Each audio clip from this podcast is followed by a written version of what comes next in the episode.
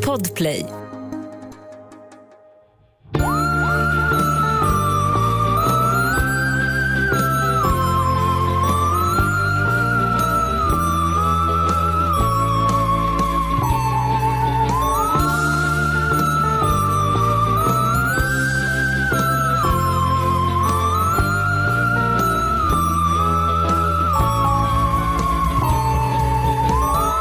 Vad tycker du om mitt drinkbord som jag har gjort i Sigrids säng? Men vänta, jag måste kolla. Det är otroligt. eh, vart har du av ditt barn? nu när du Hon har ligger gjort. under. Nej, hon är med sin pappa. Ja, ja, du, så du är inne i sovrummet idag? Precis. Mysigt. Ja, vi är ju på distans idag igen uppenbarligen. Um, ah, tack älskling. Jag fick en kopp kaffe här nu. Ehm, och jag är så himla ledsen för att jag inte kan se dig för att det är något knas. Så att, eh, nu känner jag mig nästan ännu mer ledsen för det nu när jag vet om att du då eh, har en sån mysig inspelningsstund i sovrummet. Alltså jag vet inte om jag skulle kalla den mysig, jag skulle kanske kalla den mer så som att det känns som att det är fredag. För att, eftersom jag äter jordnötter och det dricker låter ju cola. asmysigt. Ja, men det känns lite, lite drinkigt, förstår du? Lite, lite cocktailaktigt. Du har inte liksom krypit upp med en kopp te? Nej, för det har jag redan gjort tidigare idag ute i soffan. Gud, du bara kryper upp på olika ställen. Den här dagen har varit eh, inte många knop. Nej, nej, in, Väldigt skönt. inte här heller kan jag säga. Dagens, eller årets, eh, måste det väl vara i alla fall, säsongens i alla fall, helt garanterat första um, saffransbulle. Äter du det nu? Mm. Och gud vad gott. Det var jättegott. Så avundsjuk. Men också glad för din skull. Tack. Jag har, eh, ja, alltså det känns ju väldigt fikigt nu. Man hade behövt, alltså liksom hela eh, världen känns eh, som att den behöver fika. Jag gjorde pinnbröd igår. Gott. Det var så gott. Det är sånt bröd som jag älskar, bara mjöl och vatten. typ. Så gott. Eh, som vi också grillade i kaminen, både det och korv. Mysigt. Ja, visst vet du. Det är vilket liv vi lever här ute på landet. Det är helt otroligt. det är faktiskt det. Ehm, just det, det här är mord mot mord. Det är mord mot mord. Just det, det kanske vi ska berätta. Ja, Vill du, vill du ta det? Vill du do me the honor? okej. Well, we have the pleasure to introduce to you your favorite true crime podcast will be co-starring, nej, co-hosting. ehm, Dagens brott på Spotify. Ah, ja, just det. Vänta, det, så det du menade var att vi var your favorite podcast, eller var det liksom Dagens brott som var det? Nej, vi är det. Ah, Vi är det. Okej, bra. Ja, den här veckan så gör vi alltså Dagens brott som är Spotifys dagliga eh, krimpodd tillsammans. Exakt. Väldigt mysigt. Det är väldigt mysigt och det är vi, jag tror att det är vårt första steg på den här eh, resan som ska bli våran eh, ljudboksinläsarkarriär. Vet du, jag hoppas verkligen det. Gud, ring Jag, oss. jag när ju också en dröm om att bli um, um, reklam voiceover. Just det, det har jag gjort än. Just det. Nej, vet du vad, två. Vi har faktiskt en kund som jag eh, har gjort en, eh, en voiceover för också. Gud vad härligt. Än så länge har ju du framför allt varit eh, handmodell, kan man säga. Det, det är väl mitt största liksom, jobb vid sidan om mitt vanliga jobb och podden, handmodellandet. Just det, och det hur många uppdrag är vi uppe i?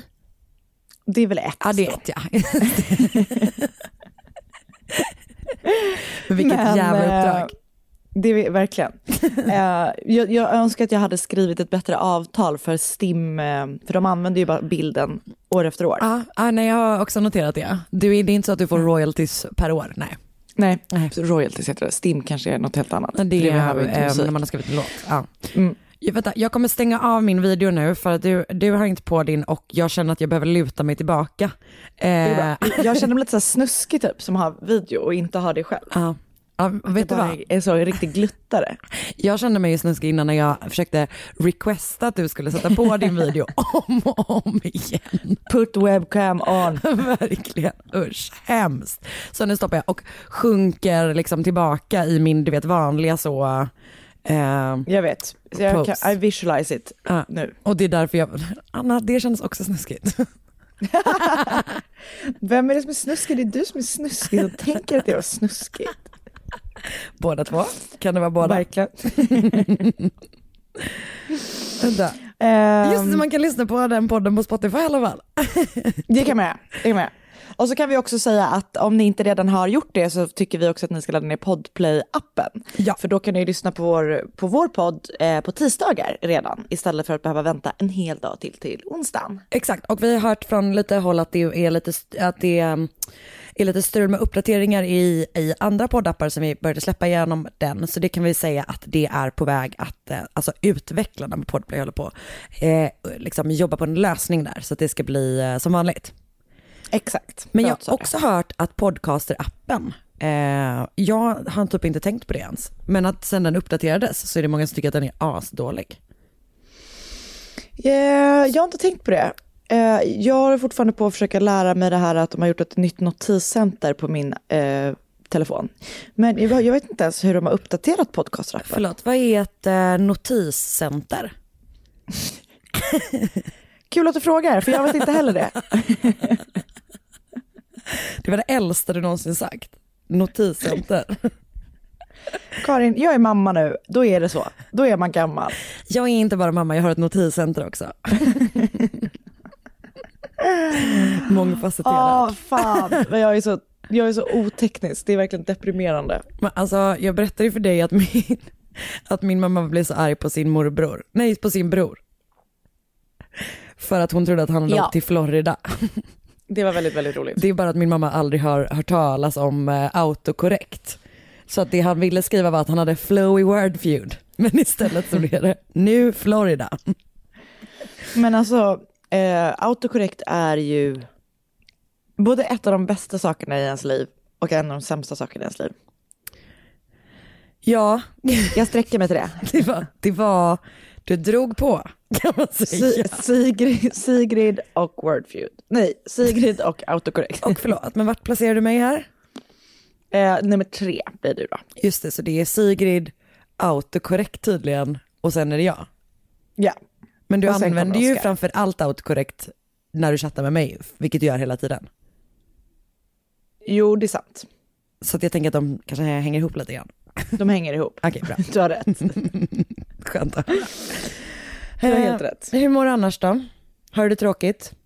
Jag har det ganska tråkigt, ja. Ja. Du då? Eh, ja, nej men det är väl, det är väl verkligen vad det är. Men Det vet du vad jag tänkte på? Ehm, att du och jag får nog, vi får nog gå ut och ta en promenad tillsammans nästa vecka. Det tycker jag verkligen. Är du i stan då? Ja, Jag tror det. Um, åtminstone några dagar. För att eh, nu ehm, när vi inte kan ses, när man inte får vara inomhus med folk som inte är ens familj. Jag skulle Nej. kunna argumentera för att du var min familj, i och för sig. Same. men jag vet inte vad Anders tycker om det. Hur som helst. Nej. Ehm, men jag tänker att man får ju åtminstone, man kan ju ta en promenad. Det kan man göra. Det kan man absolut göra. För nu känner jag att det, det är väldigt tråkigt att inte ses. Jag håller verkligen med dig. Det är fan sämst. Det är fan sämst verkligen.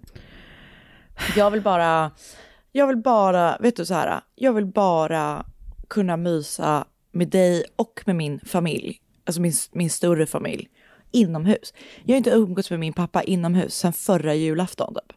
Det är fan sjukt. För de var ju bortresta fram till corona. Typ. De kom ju hem med sista planet typ från Spanien. Ni är alldeles träffat- blåfrusna. Jag har varit ute så mycket. Jag vill bara sitta i en soffa tillsammans. Alltså det är så konstiga saker som man bara känner att man vill så här. Ja, det är en helt vanlig sak, men nu behöver jag verkligen det mer än någonsin. Japp. Ja, men snart. Vi håller Om ut. vi alla håller ut. Håll ut! Verkligen. Eh, nej jag vet, det är verkligen eh, riktigt jävla tråkigt. Men eh, jag har ett tips som man kan kolla på under tiden när man är inomhus och har tråkigt med sin familj, Ooh. med sin lilla lilla familj. Eh, Ja. Som är eh, Queens Gambit, Netflix-serien, schack-Netflix-serien. Den har gått varm här hemma också, dock inte att jag har tittat på den. Utan att Oskar har tittat på den. Fan vad det känns som Oscar har haft en schackperiod. Vi pratade faktiskt om det. Eh, för att han frågade om jag hade spelat schack någon gång, vilket självklart var svaret nej. Jag hade väl typ en sån period som var kanske typ två veckor när, när jag skulle försöka lära mig schack. Det var samma veva när jag trodde att jag skulle lära mig spela alltså drakar och demoner. Hjärtat. Den där, det vill jag veta mer om. När var det här? Ja men jag var väl typ så nio kanske. Men gud. Det var alldeles för mycket text och så här. Alltså jag, det kom ju aldrig igång. Men det, det var inte det att du hade, ett, liksom ett, du hade inget gäng och du hade ingen spelledare utan du skulle Jag liksom göra det själv mer? Jag försökte spela med min pappa. Sämsta gänget. Du vet, Alltså, jag, vi, vi var och köpte vid den här fantasybokhandeln i eh, Gamla stan. hade du hört talas om det då? Jag vet inte. Men du vet, mina föräldrar har ju, spelade ju jättemycket Dungeons and Dragons då. Eh, och var Det är typ, det jag menar. Ja, men det det- heter inte Drakar och Demoner. Nej, det- Jo, Drakar och Demoner är ju alltså svenska motsvarigheten typ. Ja exakt. Eh, Det är bara att min mamma varje gång man säger så här, man bara, ah, men eh, säger någonting om drakar och demoner så fräser hon Dungeons and Dragons. Så att jag är så Ah. liksom, eh, eh, Hoppas inte Rosita hörde det här. du, du behöver inte oroa dig, hon lyssnar inte på den här podden. Hon försökte några gånger, sen gav hon upp. Nej men mina föräldrar spelade ju jättemycket Dungeons and Dragons när jag var liten så att jag var, kanske i samma ålder då som när du gav dig in i spelet så låg jag och sov när de, eh, när de spelade. Just det. Det var ju då Jag jag, var lite så före, före min, alltså du vet, jag var lite vuxen ändå typ. Alltså det är verkligen som att eh, du vet, eh, som att de gjorde en sån, ett, ett byte. Du borde varit i min familj egentligen. Alltså antagligen så hade jag, skulle jag varit det. Jag var ju Du bara in awe över att man fick snackset eh, gurkstavar som man doppade i Philadelphiaost. Mm, gud, jag kan inte se det framför mig. Vet du vad? Se det framför dig. Det var gott, eller? Alltså det var, det var typ det lyxigaste jag någonsin, alltså vi hade aldrig ens on, liksom brandet Philadelphiaost fanns liksom inte i vårt hem. Och jag älskar Philadelphia på smörgås. Ja, nej men alltså så här, det dröjde kanske fram till, ja alltså jag gick ju på gymnasiet när pappa började köpa hem så crème bonjour. Men det här var, det här var hemma hos mammas och, eh, mammas och pappas kompisar Mögel och Maria då som var deras, med i deras sällskap. Mögel? Mögel och Maria, han hette, Ja. han hette nog Mikael tror jag. Ehm, och det var liksom, alltså du vet, det var, det var så worldly, förstår du vad jag menar? Alltså det kändes som att det Ja. var så jävla lyxigt liksom. Ja. Här Det dippade vi känns lyxigt. dippade fritt, fri tillgång till gurka bara, du fattar ju bara, det kändes för mig. Och jag trodde du menade frittar som vi kallade pommes frites när jag var liten hemma. Eh, ång, ångrar det jag sa om att du borde varit i min familj. Du hade blivit slaktad. Fan, Frittar. det är ju härligt ju. Det är ett bra ord. Vänta, Vi just hade det, också schack. tävlingen på... Just det, just det, just det, just det. Nej, han hade inte en schackperiod. Han, hade, han sa så här, jag tror pappa försökte få mig intresserad av schack några gånger, men han tyckte typ det var tråkigt. Men jag vet, det känns väldigt on-brand Oscar att ha haft en schackperiod. Alltså det känns framförallt väldigt on-brand Oscar att typ ha köpt ett bra schackbräde. Men det, vi har ett schackbräde hemma som också eller, eller så här, jag ska säga, det är både backgammon och schack. För backgammon hade jag en period när jag, som jag spelade på gymnasiet förstås. Alltså du vet under den tiden när jag försökte vara lite så thinking Ja. woman. Eh, jag har aldrig spelat det, jag fattar inte hur det funkar. Ja men det var ganska roligt typ. Alltså det känns ju lite grann som glorifierat Kalaha med risk för att upp- uppröra någon. Kalaha! Älskar. är så jävla kul. Ja. Fan vad kul Annat roligt jag... spel, Försvunne Diamanten. Nej men det är inte så kul. Till att börja med är den försvunna diamanten alltid på riktigt försvunnen från spelet. så det är inte bra.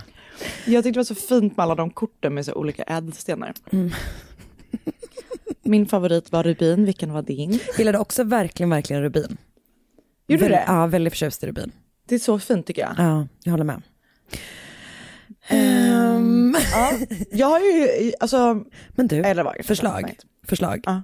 Du och jag börjar hänga på det spelcaféet som ligger precis där du bor. Ja! Med, där vi dag ut och dag in spelar Kalaha. Fan vilken dröm ändå. Hur kul? Dricker, dricker latte och spelar Kalaha. Dricker chai-te och spelar Kalaha. Längtar. Så on brand. Ehm, Nej, ska vi? ska vi köra eller? Jag tycker det.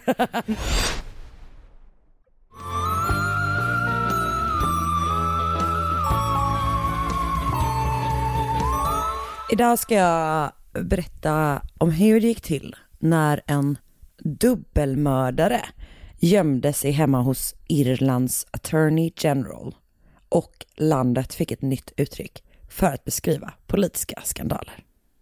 Okej, Visst vet du? spännande. Eh, idag ska jag då prata om Malcolm MacArthur som är en man som föds i april 1945 i en väl, välbeställd, är det ett ord? Tror det. Ja, jag har skrivit det i alla Jag har nog använt det själv. Ah, bra. Då, Så ja, det är ett ord. det är så vi avgör. Eh, han, han föddes in i liksom en välbeställd familj som bor på en gård i Bremont i County Meath och det är typ 45 minuter nordväst om Dublin. Malcolm är Irene och Daniel MacAr- MacArthurs enda son. Eh, det är liksom en så här, eh, det är en familj som det går bra för, åtminstone om man ser till cash. Eh, Daniel verkar vara liksom, han, hans jobb verkar vara att ta hand om gården. Jag vet inte om han har ett annat jobb också eller om det är alltså att han är liksom bonde typ. Eh, men det är liksom en stor farm typ, stor gård liksom. Eh, Den är 72 hektar stor, vilket du vet så här, när jag hade skrivit ner det här, bara, den är väldigt stor, så man, jag har ingen aning om det är stort. En hektar, vad är det? En kvadratkilometer typ. Ja, exakt. Så den är ju alltså, Det är ganska stort. ja, jag tänker att det är stort. Perfekt. Okej, jag tror att Irene är liksom, eh, alltså kanske typ homemaker, men hon verkar mer vara liksom eh, fokuserad på att make sitt social life eh, än att typ vara förälder liksom. Eh, hon är typ inte superintresserad av sin son, men det är ändå bättre än hur Daniel är mot Malcolm. För han är eh, väldigt, väldigt strikt och han är våldsam. Och vid ett tillfälle så behöver Malcolm sy fem stygn i handen efter att hans pappa bitit honom. Skämtar du? Alltså det är så jävla jävla obehagligt. Hans pappa har bitit honom i handen. Uh, ja, så han har det uppenbarligen inte jättelätt hemma typ. Och jag vet ganska lite om typ hans uppväxt i övrigt. Alltså jag vet liksom inte riktigt vem han var under sin skolgång och sådär. Men jag vet att han började liksom plugga på universitetet och bli lite så man about town i Dublin. Okej. Han, Yeah. ja, han är liksom lite så excentrisk, du vet lite så här konstnärssjäl, han är intresserad av kultur, litteratur, han gillar att festa och han är liksom ett så här, han blir ett eh, välkänt och liksom lite spännande inslag på Dublins social scene på 70-talet. Okej. Och du vet där träffar han liksom så här, både så här affärsman och poli- affärsmän och politiker men också så här konstnärer och musiker, du fattar. Jag fattar. Han känns som att han är lite så dandy. Jag fattar. Alltså lite Ja. så aristokrat typ. Ja. Han har så kravatt och ja, fattar. Inte det. Vad som men helst inte det. men inte det. Eh, okej, men så då, då är det så här, man bara okej, men hur försörjer han då den här flotta, kravattiga livsstilen? Eh, Ja. Det är inte så. Hur, jag skulle aldrig ha råd att ha kravatt. Nej, you and me, neither sister. Framförallt eftersom jag hade förlorat mitt jobb kanske. Ehm, det är så att Daniel MacArthur, alltså hans pappa, dör 1974 och då ärver Malcolm en ordentlig summa pengar. Han ärver 70 000 pund som jag då har räknat om till dagens värde och sen Älskar när du gör det. räknat om till kronor. Så att det är eh, ungefär, eh, nej det här har jag hittat på. Jag har skrivit att det är ungefär 75 miljoner kronor, men det är det absolut inte. Det Det är låter lite mycket kanske. 7,5 miljoner kronor i dagens värde, ungefär. Okej. Och han festar då runt på liksom sin pappas pengar där på Dublins social scene och träffar en tjej som heter Brenda Little. Och någon gång runt 75-76 någonting så blir hon gravid och de får en son tillsammans. Nu spolar vi fram lite grann. Eh, det är 1982 och Malcolm och Brenda bor nu på Teneriffa med sin nu sjuåriga son. Låter härligt? Både och tycker jag. Ah. Jag vet inte om jag hade velat bo på Teneriffa. Det känns som... Ja, eller jo. Jo, det hade jag nog gärna gjort. Ja, du ångrar dig. Du, jag och Sigrid startar kvinnokollektiv på Teneriffa. Okej, dröm. Sign me up. Så, alltså Kalaha, ett nytt Kalaha i varje rum. Och du kommer laga god mat hela tiden. Ja. Och jag kommer att underhålla dig. ja. Och Sigrid, vad bidrar hon med? Ah. Hon är bara cute. Hon är där för aesthetic purposes. Okej. Okay. Det som är problemet här nu då är att eh, deras pengar börjar ta slut. Och eh, Malcolm har liksom så här, bränt igenom sitt arv. Det är ju jättemycket pengar, men med tanke på att han har levt på de här pengarna och inte haft någon inkomst på typ åtta år. Så är det tar ju det, slut. Alltså det tar ju verkligen, verkligen slut. Mm. Eh, så Malcolm då, han säger till Brenda här i början av sommaren 1982, säger han till henne så här, han bara, vet du vad? Jag ska åka och ordna upp det här. Jag ska åka och ordna upp våra finanser och mm. jag ska göra det i Schweiz. Okej. Okay. Vilket, Spännande. Ja, ja, men så han ska åka till Schweiz och ordna upp deras finanser då liksom. Men han, eh, så i mitten av juli så liksom lämnar han Teneriffa och sin lilla familj, men åker inte till Schweiz utan han åker tillbaka till Dublin. För att ja, han ska försöka ordna upp familjens ekonomiska situation. Men han ska inte göra det i Schweiz eller med hjälp av så här, att försöka flytta lite pengar mellan olika konton eller vad man nu gör. Eh, utan han har bestämt sig för att genomföra ett bankrån. Nej. Jo. Och vad behöver man då för att begå ett bankrån? Jo, vill du gissa? Rånarmask. ja, det var faktiskt Man behöver eh, en väska att lägga pengarna i. ja. Man behöver en vapenattrapp. Ah, han tänkte och att man behövde ett helt vapen. Flyktbil. Okej. Okay. Och vad sa du sista? Flyktbil. Korrekt. Han tänker att han behöver en bil och han behöver ett vapen. Och han har ju inget av dem. så det är lite jobbigt. Och han har ju inte heller så mycket pengar att köpa dem för. Så att den 22 juli bestämmer han sig för att han ska gå ut och försöka liksom lösa det här eh, förstnämnda då. Han tänker stjäla en bil. Mm -hmm. Det är högsommar och varmt i Dublin den här torsdagen i juli och Malcolm sticker ut när han dyker upp i Phoenix Park. För att så här, mhm. alla ligger typ och solar och, och sådär. Men han har på sig en tjock tröja med du vet sådana lappar på armbågarna. Ja. Han har på sig tweedbyxor och han har på sig någon slags keps. Okej. Okay. Eh, ja men så han har liksom, han har för mycket kläder på sig. Folk tycker att han ser mm. konstig ut. Och en person som befinner sig i den här parken eh, för att just sola och liksom ta det lite lugnt i en park en stund är Bridie Gargan. Och hon är eh, sjuksköterska och jobbar på St. James Hospital men hon är liksom, eller hon är på väg hem från ett skift när hon har bestämt sig för att här, innan hon åker hem stanna lite grann i parken och typ sola sig innan hon, innan hon fortsätter vidare liksom. Mm. Så att hon sitter i gräset helt enkelt och bredvid henne så står hennes lilla eh, Renault, vilket känns verkligen som en grej man gjorde förr i tiden, att man körde bilen hela vägen in i parken. Och chillade bredvid den. Eller hur? Ja, det, det, är inte en osann spaning att det var så Nej, man gjorde förr. Verkligen inte. Så att hon är där och bara du vet så här, tar igen sig efter ett jobbigt pass på sjukhuset liksom. Och det hon inte då vet är att hon är iakttagen. Men det ser en man som heter Paddy Byrne som är trädgårdsmästare. På i, han är liksom trädgårdsmästare inte i parken utan i någon trädgård som ligger angränsande typ.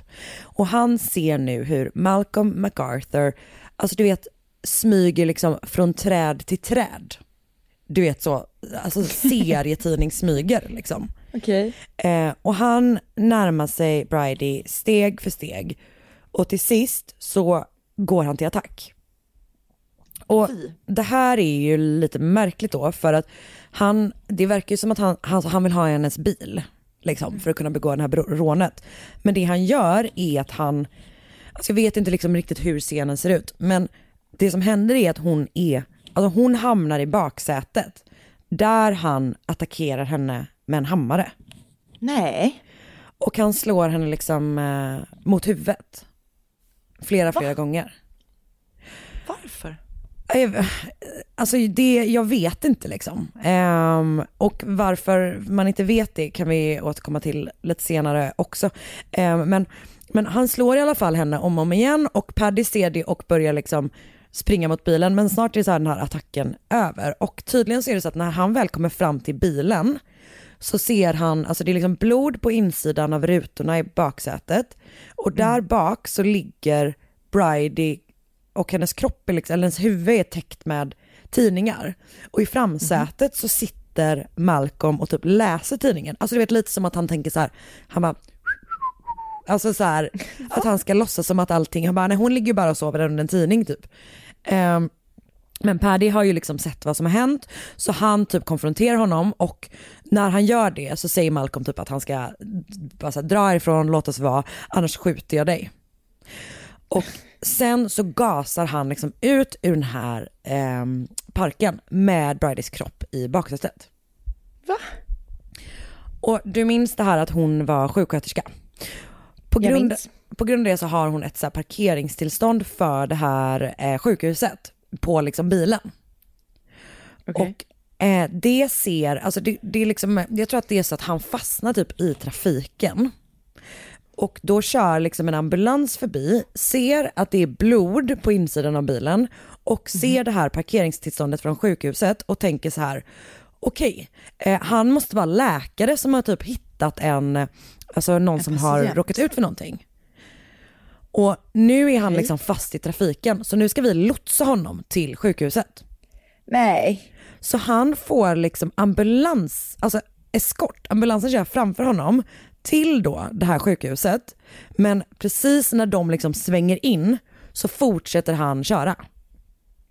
Shit. Och sen så överger han bilen och hon ligger kvar i baksätet och Bridie lever fortfarande då men är liksom inte vid medvetande och sen dör hon fyra dagar senare på grund av sina skador. Men gud. Visst är det konstigt? Alltid så konstigt alltså, och också så konstigt. jätteläskigt. Okej, så han har ju då fortfarande ingen bil för den har han ju precis lämnat då med sitt, med sitt offer liksom i, i baksätet men han har lid på ett vapen. Han har nämligen sett en tidningsannons för ett hagelgevär som är till salu. Vilket bara det är starkt tycker jag. Alltså verkligen, okej. Okay. Eh, så han tar då en buss till eh, Edenderry i Offaly. Och det gör han efter att han har gått in på en pub och typ gått in på toaletten och rakat av sig skägget där. Mm. Och, eh, så, men sen tar han bussen och sen så bor han över natten någonstans vid hamnen i Edenderry. Vänta. Det känns verkligen som att jag har sett att Edenderry ligger inåt landet. Så det låter ju väldigt konstigt att han skulle... De kanske har så en bilhamn som är som en lastbilshamn. kanske, vem vet. Han bor i alla fall där över natten. Han kanske bor någon annanstans. Skitsamma. Um, på morgonen så köper han lite mjölk, han köper en tidning och på framsidan av den tidningen så beskrivs liksom attacken på, på Bridie och han får reda på då att så här, hon eh, Alltså att, att liksom läget är instabilt men hon lever fortfarande vid det läget då. Men dagen efter, den 25 juli, eh, så kommer Brady avlida. Eh, och samma dag så möter Malcolm upp den här mannen som ska sälja det här hagelgeväret. Okay. Och den snubben heter Donald Dunn och han är 27 år gammal, precis som Brady, och han är bonde. Och de möts upp klockan 10.30 vid postkontoret i Edenderry och sen tar de Donalds bil ut till ett område där Malcolm kan så här, testskjuta det här vapnet. Jag läste någonstans så beskrivs det som att det är Donalds eget, eh, egen mark men på något annat ställe så är det som att det är en sån, vad heter det när man skjuter lerduvor? Alltså typ en sån, okay. en sån skjutbana men det är för att han ska testa så det funkar helt enkelt. Men Malcolm, alltså han är ingen vapenperson. Han vet liksom typ inte hur man använder ett, ett hagelgevär. Så att Donald visar då honom liksom hur det fungerar. Mm -hmm. Och sen lämnar han över vapnet till Malcolm för att så här, han ska få testa att skjuta det. Men då riktar han vapnet mot Donald och skjuter av. Va? Alltså vad hände? Liksom, Okej. Okay. Mm. Alltid så jävla konstigt. Eh, Verkligen. Och så han faller liksom ihop och börjar väl blöda ut där och typ Malcolm så du vet lite så slarvigt täcker över honom med lite eh, kvistar och, och, blad och sånt. Eh, och sen så mm. drar han från platsen i Donalds eh, bil. Och eh, hans kropp kommer hittas typ ett par timmar senare av en familj som är på picknick. Jag tror att det är deras son som hittar honom. Och 300 poliser från, eh, från det här området eh, kommer liksom, Offaly, kommer liksom söka igenom det här, den här, eh, det här området där man har hittat kroppen. Men man hittar varken bilen och man hittar inte vapnet. Men okay. man får ganska snabbt en lead på bilen. För Han har ju tagit, det här är också så jävla dumt. Han har ju då tagit den här bilen och börjat köra tillbaka mot Dublin. Men det han inte vet är att Offaly, eh, ett, ett, ett hurlinglag, du vet att de har massa olika så här, konstiga jävla sporter på Irland. Det är som curling fast ja. utan isen. Lite så. Um, det ser typ lite grann ut som typ lacrosse fast också typ landhockey. Ja, det är jättekonstigt. Men hur som mm. helst så är på, det är liksom ett, ett eh, lokalt lag ska spela en hurlingmatch mot ett typ Dublin-lag. Eh, den här dagen. Så att du vet det är ganska många som åker den här vägen och, och när folk får syn på eh, alltså att den här, den här bilen med en Offaly eh, registreringsskylt så tänker mm. de automatiskt, ah, han är på väg till arenan. så de börjar följa efter honom. Ta på honom. ja. Så Jättekul. De, och sen så du vet så bara stannar han någon helt annanstans och du vet har lett en hel konvoj typ helt fel. Fan vad roligt. Eh, men så det gör ju i alla fall att man liksom ganska snabbt hittar den här bilen för det är ganska många som typ har följt efter den till Dublin typ. Uh -huh. eh, Sen så händer en ny konstig grej. Eh, eller ja, Malcolm gör en ny, eh, en ny konstig grej fast som är konstig på ett annat sätt. Och eh, okay. kan också eh, glädja dig med att det är ingen mer som kommer mördas i alla fall. Nej, det är tur. Eh, han går hem till en snubbe som heter Harry Bailing och han är då amerikansk diplomat. Och när eh, Harry öppnar dörren säger Malcolm så han bara, jag var på fest hemma hos dig för några månader sedan och jag älskade din utsikt härifrån ditt hus. Så jag tänkte höra om jag skulle kunna få fota den. Okay. Och han har ju, du vet han är ju liksom så här, han pratar väldigt posh, han är liksom så här, a man about town. Eh, mm. Han, kravatten är på säkert. Så att han bara, okej, okay, ah, nej men absolut, typ, kom, kom du in liksom. Mm. Men så fort han släpper in honom så tar han fram vapnet och kräver pengar. Men Harry säger då, han bara absolut det kommer vi lösa men mitt eh, checkhäfte är på övervåningen så jag måste gå upp och hämta det. Och när han gör det så lyckas han liksom fly på något sätt. Okej. Okay. Och då måste Malcolm liksom, så han får inse sig att han, är, att han inte har eh, inte kommer få några pengar så han drar därifrån och sen gör han en, eh, eh, en annan märklig grej. Eh, jag tänker att han kanske inser att han är på väg att åka fast. Han bestämmer sig i alla fall för att eh, ringa polisen. Uh -huh. Och till polisen eh, så säger han så här, hej, eh, jag gjorde en grej hemma hos den här diplomaten Harry Bailing precis. det var bara ett skämt. Alltså det var bara ett prank från min sida. Jag bara prank, jag bara skojar lite typ. Eh, man kanske kunde uppfatta det som typ ett rånförsök, men det var alltså inte det, utan det var ju ett, ett, ett skoj liksom. Mm -hmm. Klassiskt, klassiskt prank. Verkligen.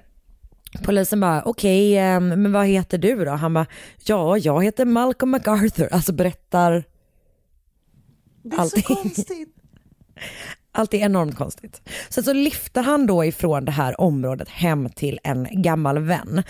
Um, men nu kan vi liksom, nu kommer vi skifta fokus lite, lite grann och prata lite grann om vad poliserna har för sig under den här tiden.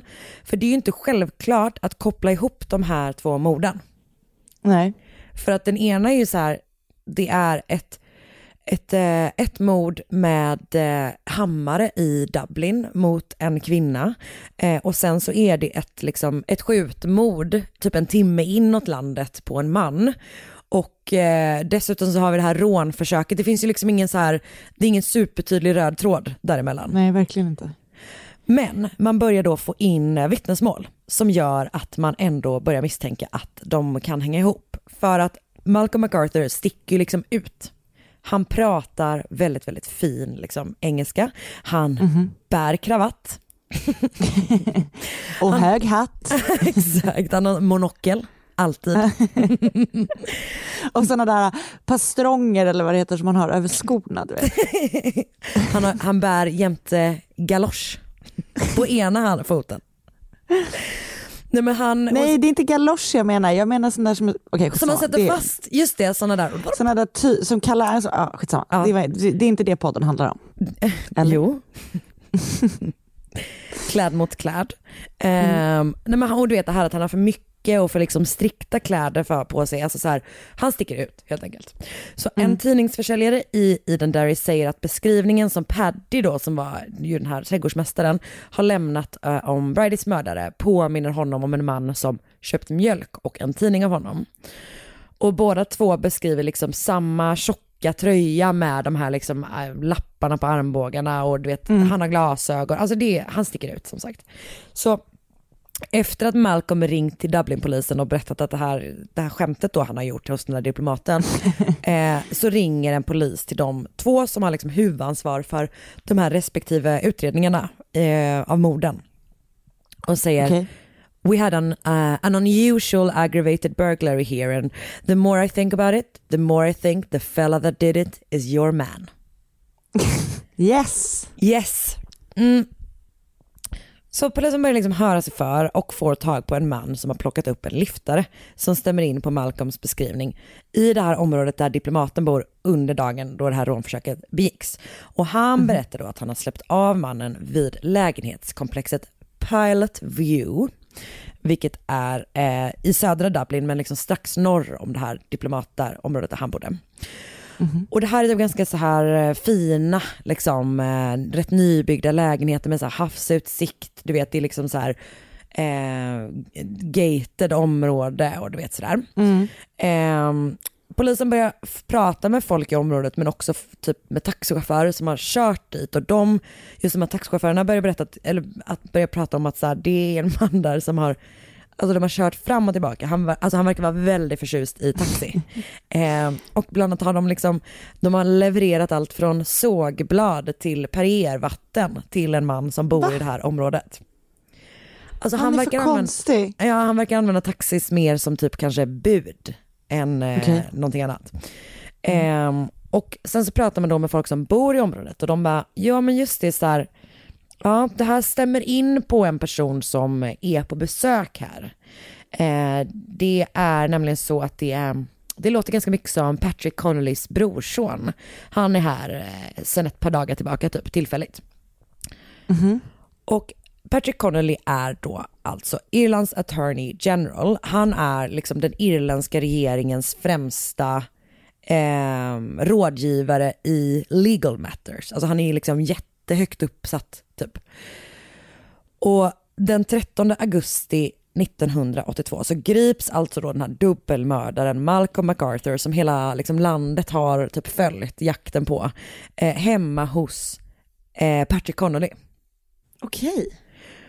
Vad sjukt. Och när Patrick själv så här, han typ kommer dit så några timmar senare, han bara vad fan är det som hände typ? Han känner då Malcolm genom Malcolms tjej, alltså hon den här Brenda Little. Och det som har hänt är bara att Malcolm har typ kommit dit och varit så här, hej, eh, jag har precis varit i Schweiz och haft hand om lite av mina finanser. Eh, mm -hmm. Så att typ så här, skulle det kunna vara okej okay med dig? Jag har lite grejer jag måste lösa här, här i Dublin innan jag åker till, eh, tillbaka till Teneriffa typ. Skulle det kunna vara okej okay om jag eh, bor här? Eller jag tror typ inte ens att han frågar det utan typ att Patrick är så här, du kan bo hos mig. Alltså verkligen ah. så här ah. erbjuder. Ehm, och eh, de har liksom så här hängt där typ. Eh, de har bland annat varit på någon annan sån konstig eh, sportmatch, kan också vara hurling, jag vet inte. Där de har... Eller är det furling?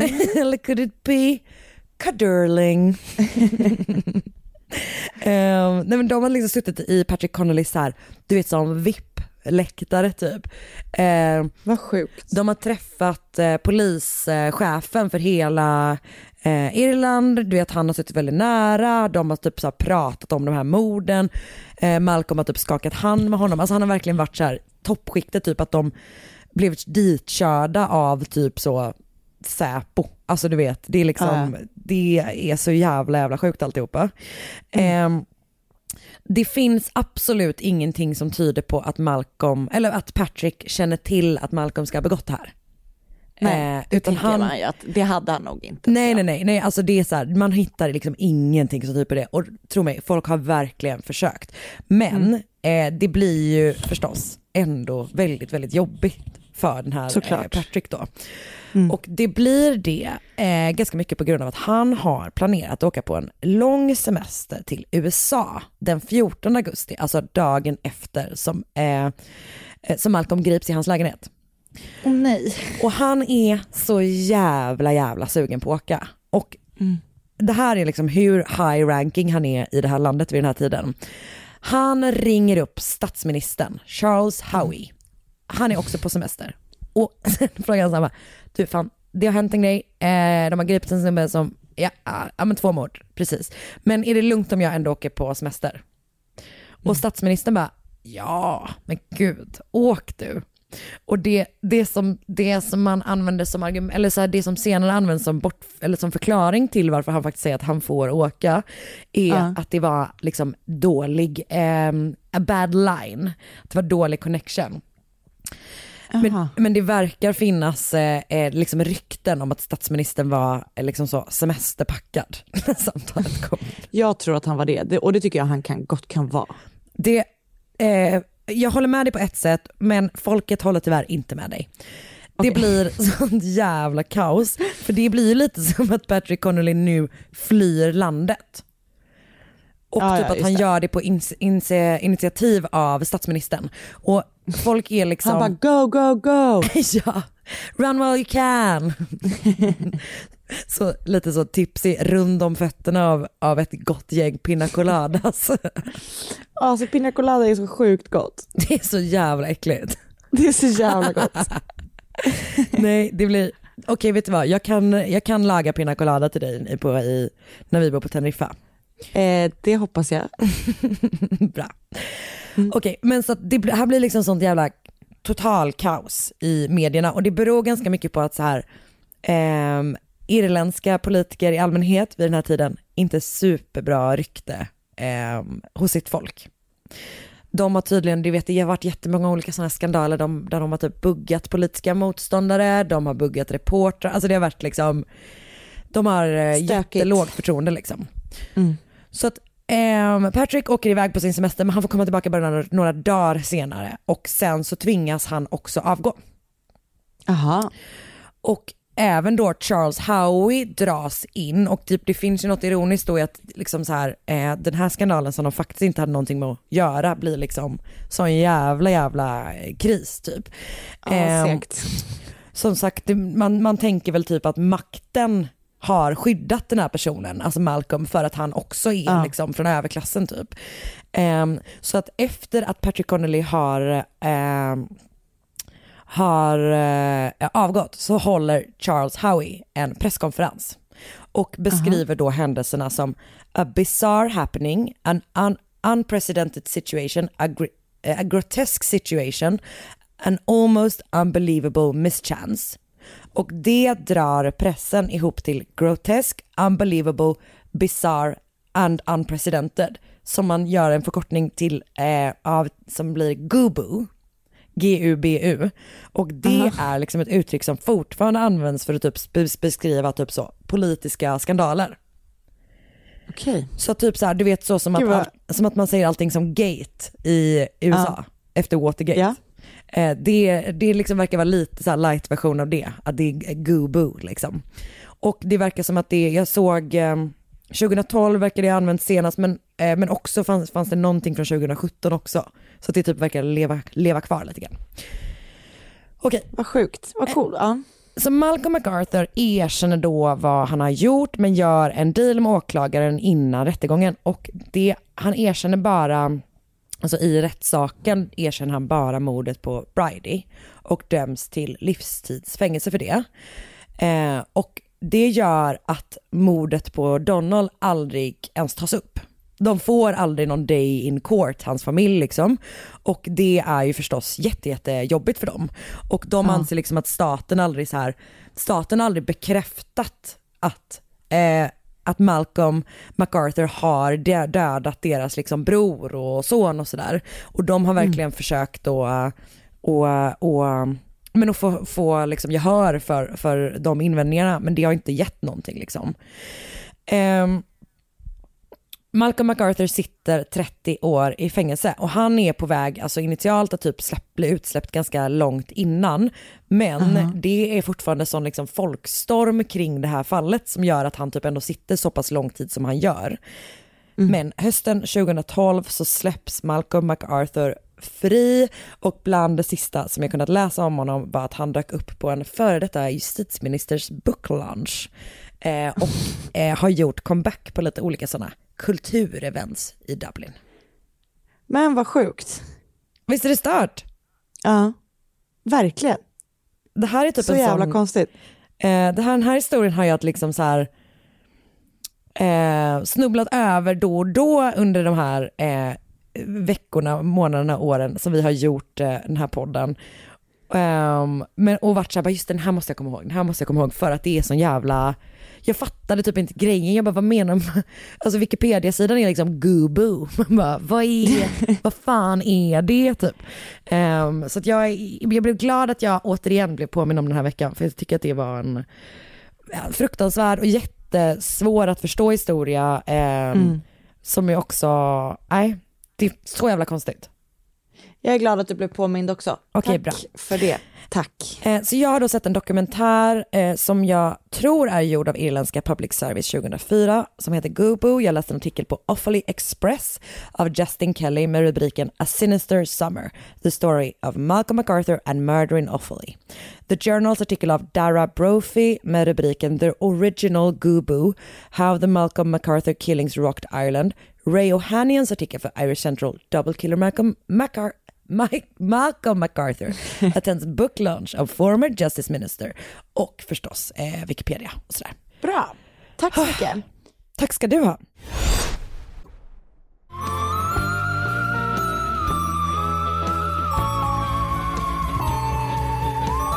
Då är vi framme vid min tur. Bra. Visst? Ja, gud, det är vi verkligen. Jag är enig. Bra.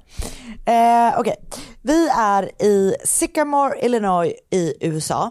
Eh, det är december 1957.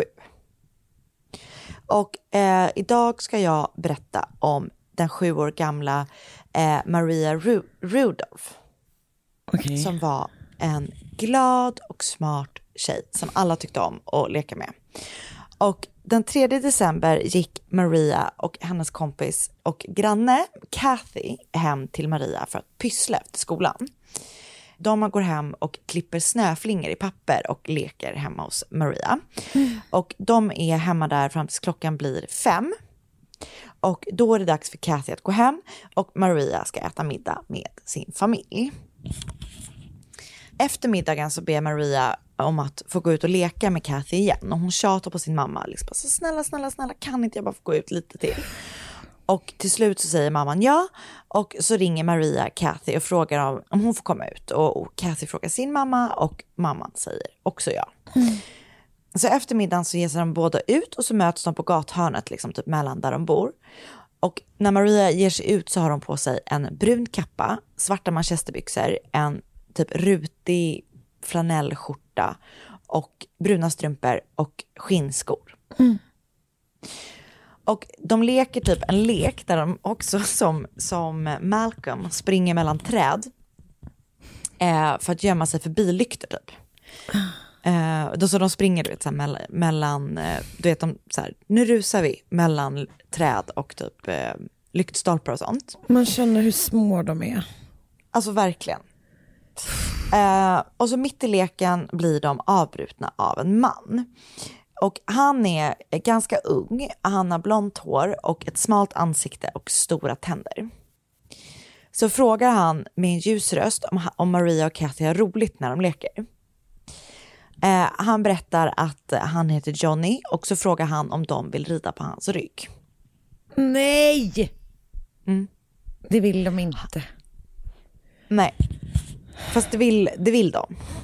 Ehm, så att eh, han typ travar, du vet, så som man gör med Maria på ryggen. Och hon tycker att det är toppen. Och han säger att han tycker om dockor. Och då säger hon att han kan, eh, att han, att hon, att hon kan gå och hämta en docka. Som han får, ska, som ska, också ska få rida på Johnnys rygg typ.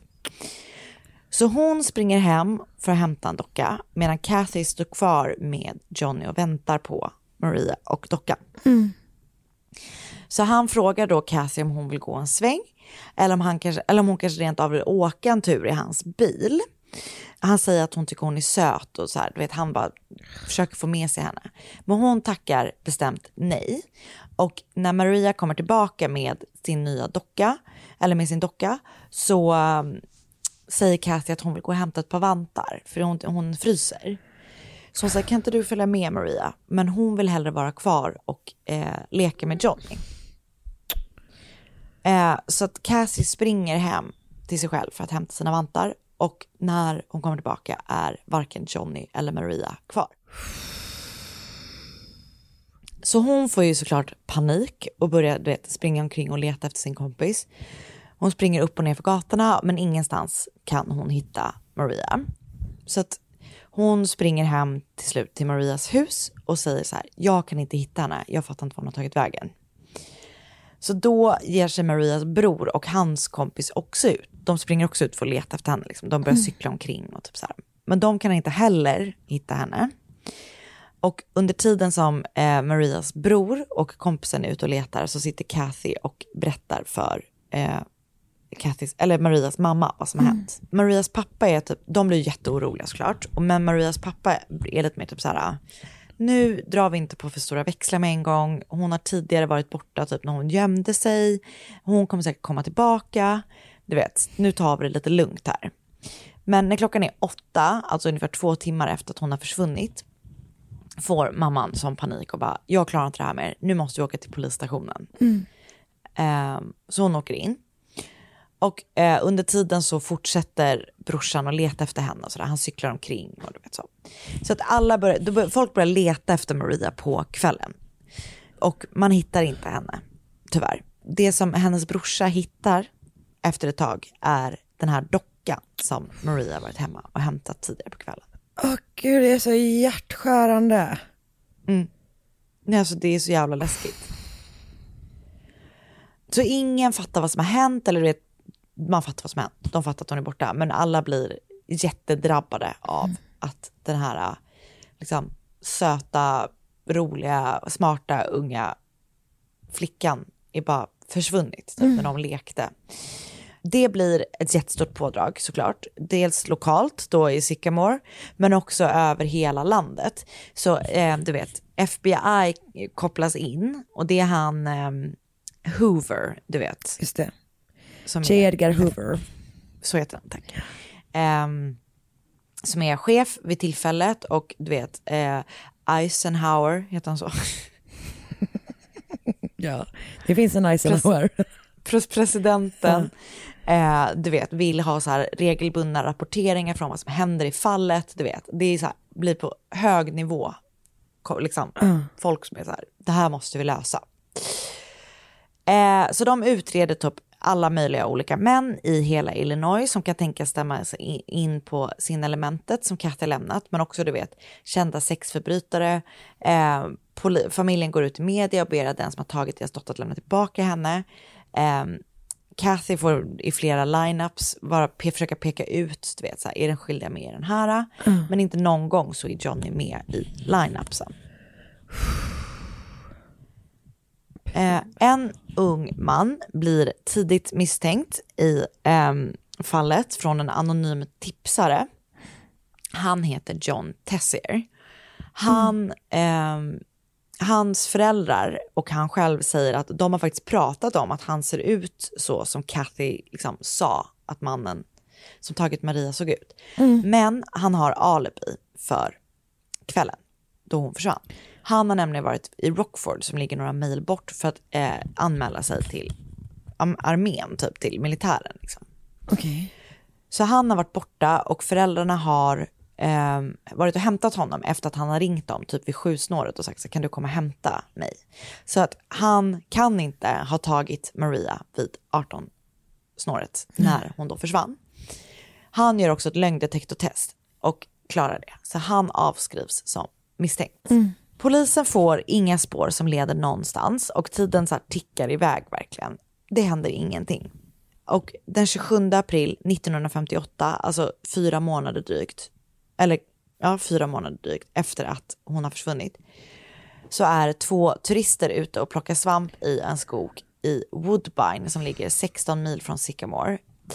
I skogen stöter de på ett skelett skelett som tillhör ett barn och vid skelettet hittas då kläder som senare också ska bekräftas tillhöra Maria. Det är så hemskt. Mm. Det är så jävla sorgligt verkligen. Eh, och tyvärr så leder inga spår någonstans och efter ett tag så blir fallet med eh, Marias kidnappning och mord helt kallt. Men 1994 så ligger Eileen Tessier, alltså Johns mamma, för döden. Hon säger att när hon ligger då på sin dödsbädd så säger hon att hon har något som hon vill berätta. Och det är att John då har dödat flera små flickor säger hon. Eh, och att han var den som kidnappade och mördade Maria. Men John Tessier och hans mamma, de har haft typ en superdålig relation. Så att den här bekännelsen avskrivs som att det är hans mamma som typ vill sätta dit honom som en sista grej. Och jävlar vilken eh, dålig relation man ska ha. Alltså riktigt dålig relation. Japp. Så det här, och du vet, man bara så ja, nej, det verkar inte särskilt troligt. Du vet. Vi, det, vi tar inte det här tipset någonstans heller. Nej. Nej, så att det fallet blir, det fortsätter att vara ett kallt fall. Eh, 1997 så tänker man att nu börjar vi närma oss en lösning för då är det en polis, en lieutenant Patrick Solar som säger att nu tror jag att jag har kommit till en lösning vad som hände med Maria Rudolph. Han säger att det troligtvis var en man vid namn William Henry Redmond som hade varit lastbilschaufför och arbetat vid en sån kringresande karneval typ. Han eh, 1997 då, när han utses som Marias potentiella mördare, så är han själv redan död. Han har gått bort 1992.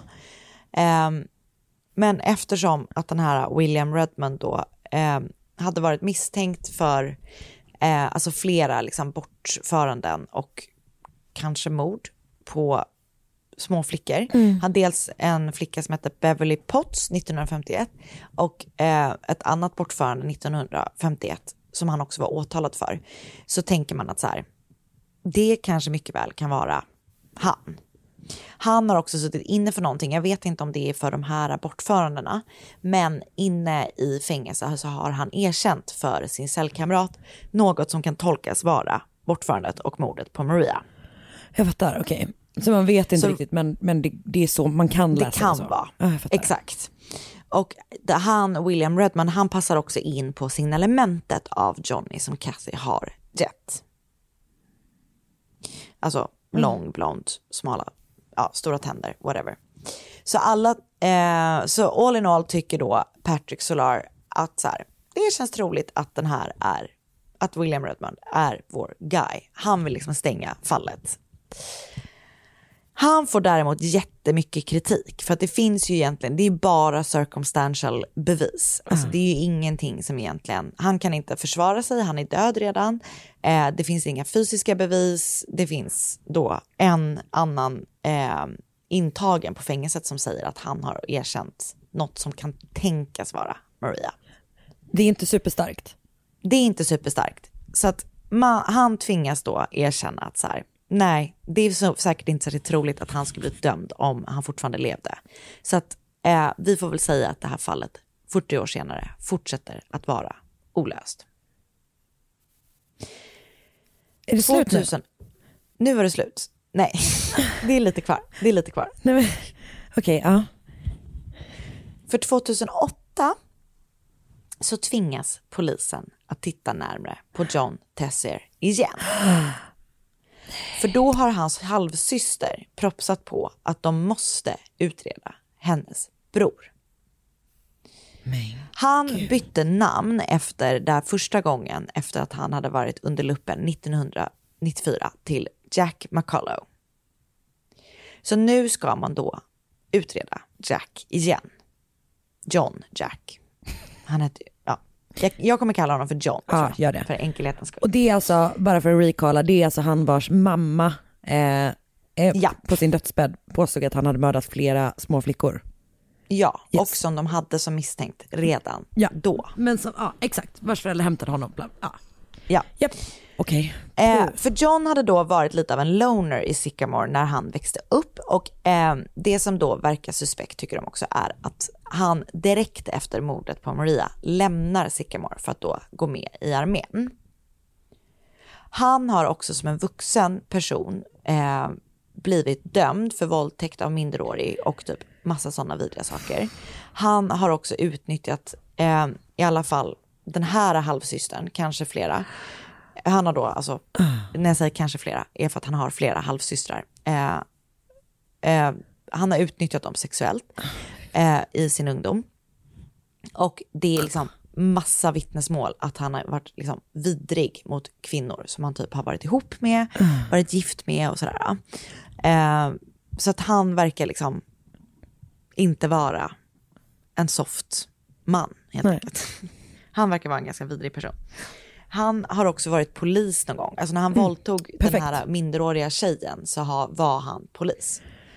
Så hon typ vaggades in, du vet, i någon falsk trygghet i att så här, honom är jag trygg i med för att han är polis. Fy. Han har alltså gjort riktigt mycket piss i sina dagar. Eh, men han fortsätter att så här, säga, jag har inte gjort det här, jag kan inte ha gjort det här. Jag var på den här uttagningen till armén eller till militären och personen som har träffat honom där fortsätter att säga så här, nej men han var här. Ehm, och polisen försöker då lägga fram en alternativ tidslinje. För att du vet, han bara så här, men jag kan inte ha hunnit eh, göra det här. Eh, eftersom jag var borta och du vet, han lägger fram då sin tidslinje, alltså John. Eh, Medan polisen då bara, men om du hade varit så här, du vet, du hade kunnat ta det här tåget och sen kört tillbaka och sen kört tillbaka igen och ändå, du vet, då hade du lyckats ha, då Just kan du ha det här alibit som du har. Mm, inte helt sådär, du vet. Nej, jag fattar. Ja, det är möjligt men är det troligt, typ så. Mm. Det som inte är så positivt för John är att Kathy, 50 år efter att Maria har försvunnit, pekar ut Johnny som den skyldiga i en lineup. Hon är helt säker på att det här är hennes guy. Men hon har inte sett honom innan? För han har aldrig varit och i en han lineup har innan? aldrig varit, exakt, han har aldrig varit del i en lineup innan. Så hon har aldrig haft chansen att identifiera honom. Oj jävlar vad sjukt att det är så långt senare. Så 50 år senare, alltså tänk dig den här Kathy, alltså hon har i 50 år burit på, du vet det här. Hon var den sista som såg dem. Hon har inte kunnat peka ut, du vet hennes mamma var tydligen väldigt mycket så här, det här hänger på dig typ. Man kan lösa det här fallet om du kan peka ut honom. Hon har aldrig kunnat identifiera honom. Men det är också den här 50 grejen som är så här, hon har liksom inte kunnat tillåta sig själv att typ glömma. Utan hon har varit Nej, tvungen att ha allting inte. i huvudet hela tiden. Och tydligen så um, var det jättemånga du vet, föräldrar som inte ville att deras barn skulle leka med henne efter. För att typ, de tänkte att så här, hon kanske, ja vad de nu tänkte. Gud. Ja, är det är så hemskt. Men nu då, 50 år efter att Maria har försvunnit, så kan hon peka ut den som hon är helt säker på är Johnny som tog Maria i en lineup. Det är heller inte så bra att några som har suttit inne med John, för han har då suttit inne för den här ja, våldtäkten och all skit.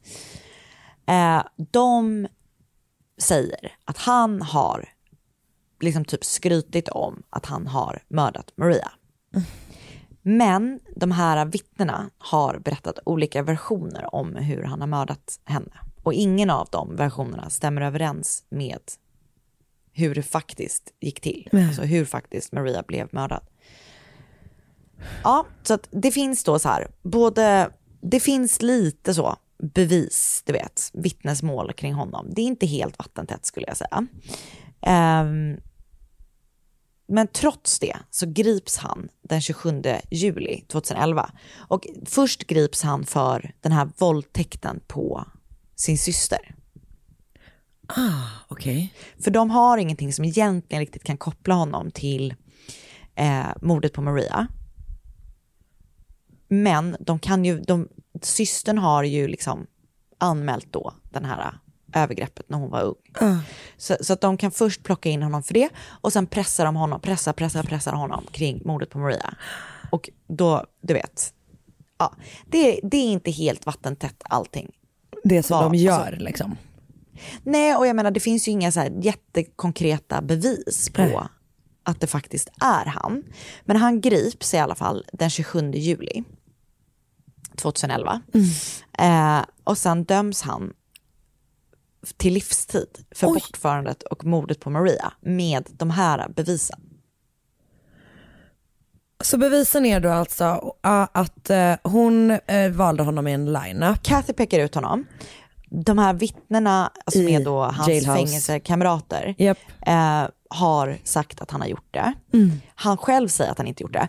Det är också, han, du vet, det finns någonting med den här resvägen, du vet det är en oan, det, det är supermycket circumstantial bevis att det är John Tessier, Jack McCullough som har gjort det här. Men han döms ändå till livstid för bortförandet och mordet på Maria. Jävlar! Men han själv försöker överklaga domen, du vet, för att han bara, det här är helt sjukt, jag har inte gjort det här. Du vet, det inte, han, han verkligen fortsätter bara att så förneka. Han får avslag på eh, sin överklagan, eller sin önskan om överklagan, eller hur det funkar i USA. Men när statsåklagaren, eller vad det kan tänkas kallas i Illinois, får se den här domen, och då är han så här bara, fan det här är inte vattentätt. Nej. Så han bestämmer sig för att granska då fallet. Och bara så här, nej, det här är, det, han, är det kan, han kan inte vara skyldig till det här, bestämmer sig då den här åklagaren för. Så han säger, it's time för Jack McCullough, John Tessier att få resning. Okej. Och så inleds en jättestor process. Då har han alltså ändå suttit inne i fem år för mordet på Maria. Och det är också hur lång tid efter att hon försvann? Var typ Ja, 60 det är mer än nu. 50 år. Ja. Ja. Jävlar. Precis, för den 12 april 2017, 60 år efter att hon har försvunnit, när han är då f- 73 tror jag att han är, släpps han ur fängelset och friskrivs för alla, liksom, allt som har med Marias mord att göra. Vad fan. Så att igen blir fallet olöst och kallt 60 år senare. Vad i helvete? Mm. Det är helt sinnessjukt det här fallet. Det är, är så, så tvära sjukt. kast. Och det är så sorgligt för hennes familj då som, alltså det, han ska ju såklart inte dömas om han, alltså om Om det inte finns bevis. om det inte finns bevis. Alltså det är ju, det är ju helt fel. Men hennes familj som liksom tvingas att, du vet så här, alltså hennes föräldrar har väl gått bort, jag. Men, och den här Kathy, och du vet alla som har tvingats vän, leva i det här, så här, nu har vi honom, nu har vi honom inte, vi har honom, vi har honom inte. Nej fy fan. Vad hemskt. Ja det är Det är så, så hemskt. hemskt. Okej, har det hänt något mer?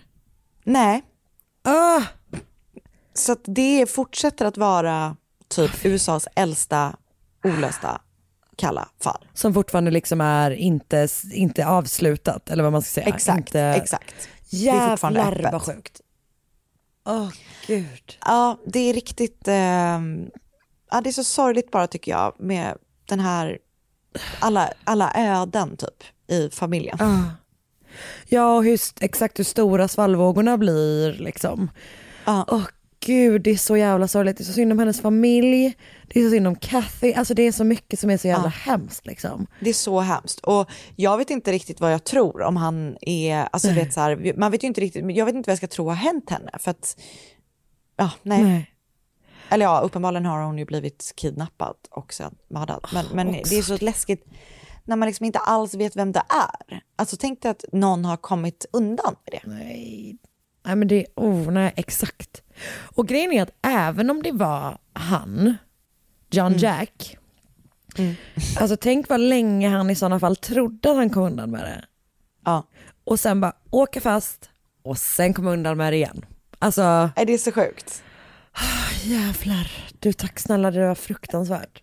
Ja, och jag, jag vet, det är hemskt. Och jag har läst en jättebra och jättelång artikel på CNN som heter eh, Taken, the coldest case ever solved och, av Anna O'Neill. Och den, antar, den är ju skriven då innan han har fått eh, Resning, eh, resning. just det. och sen har jag läst en, ett, alltså blogginlägg eller vad man ska säga på medium.com som heter uh, The Oldest oldest solved inom sådana här tecken, mm. cold case and how it went unsolved again av Kieran på medium.com som jag sa. Wikipedia såklart och sen så har jag lyssnat på en podcast som heter Already Gone. Avsnittet heter Maria Rudolph, the oldest coldest case. Vilken hemsk, hemsk, hemsk resa. Och alltså den här CNN-artikeln, uh. den, den tog mig typ en dag att läsa. Uh. Men den, var, den är så super, super detaljerad och fokuserar då väldigt mycket på John Tessier och uh. liksom hans liv. Så att det finns väldigt, hela, alltså det är en resa helt enkelt. Oh, I strongly recommend it. Yes. Du, tack snälla. Tack för den här veckan. Och tack till er som har lyssnat. Som alltid, Smart. utan er, ingen podd. och eh, lyssna gärna på eh, Dagens brott den här veckan. Och eh, skapa ett konto på Podplay som är eh, app, en app där du kan lyssna på alla poddar, men du yep. kan också lyssna på vår podd en dag tidigare. Japp, och en ska falla på Instagram, att Sandalanna, att Karin Ondre, gå med i Facebookgruppen. Eh, Köp vår asfina merch. Japp, gud det är så mycket nu. Det är så mycket vi ska ja, komma ihåg. och eh, vi hörs nästa vecka händerna. Ja. Tvätta händerna, håll avstånd, umgås med er familj. Bra. Ja, okej. Okay. Puss och kram. Hej då.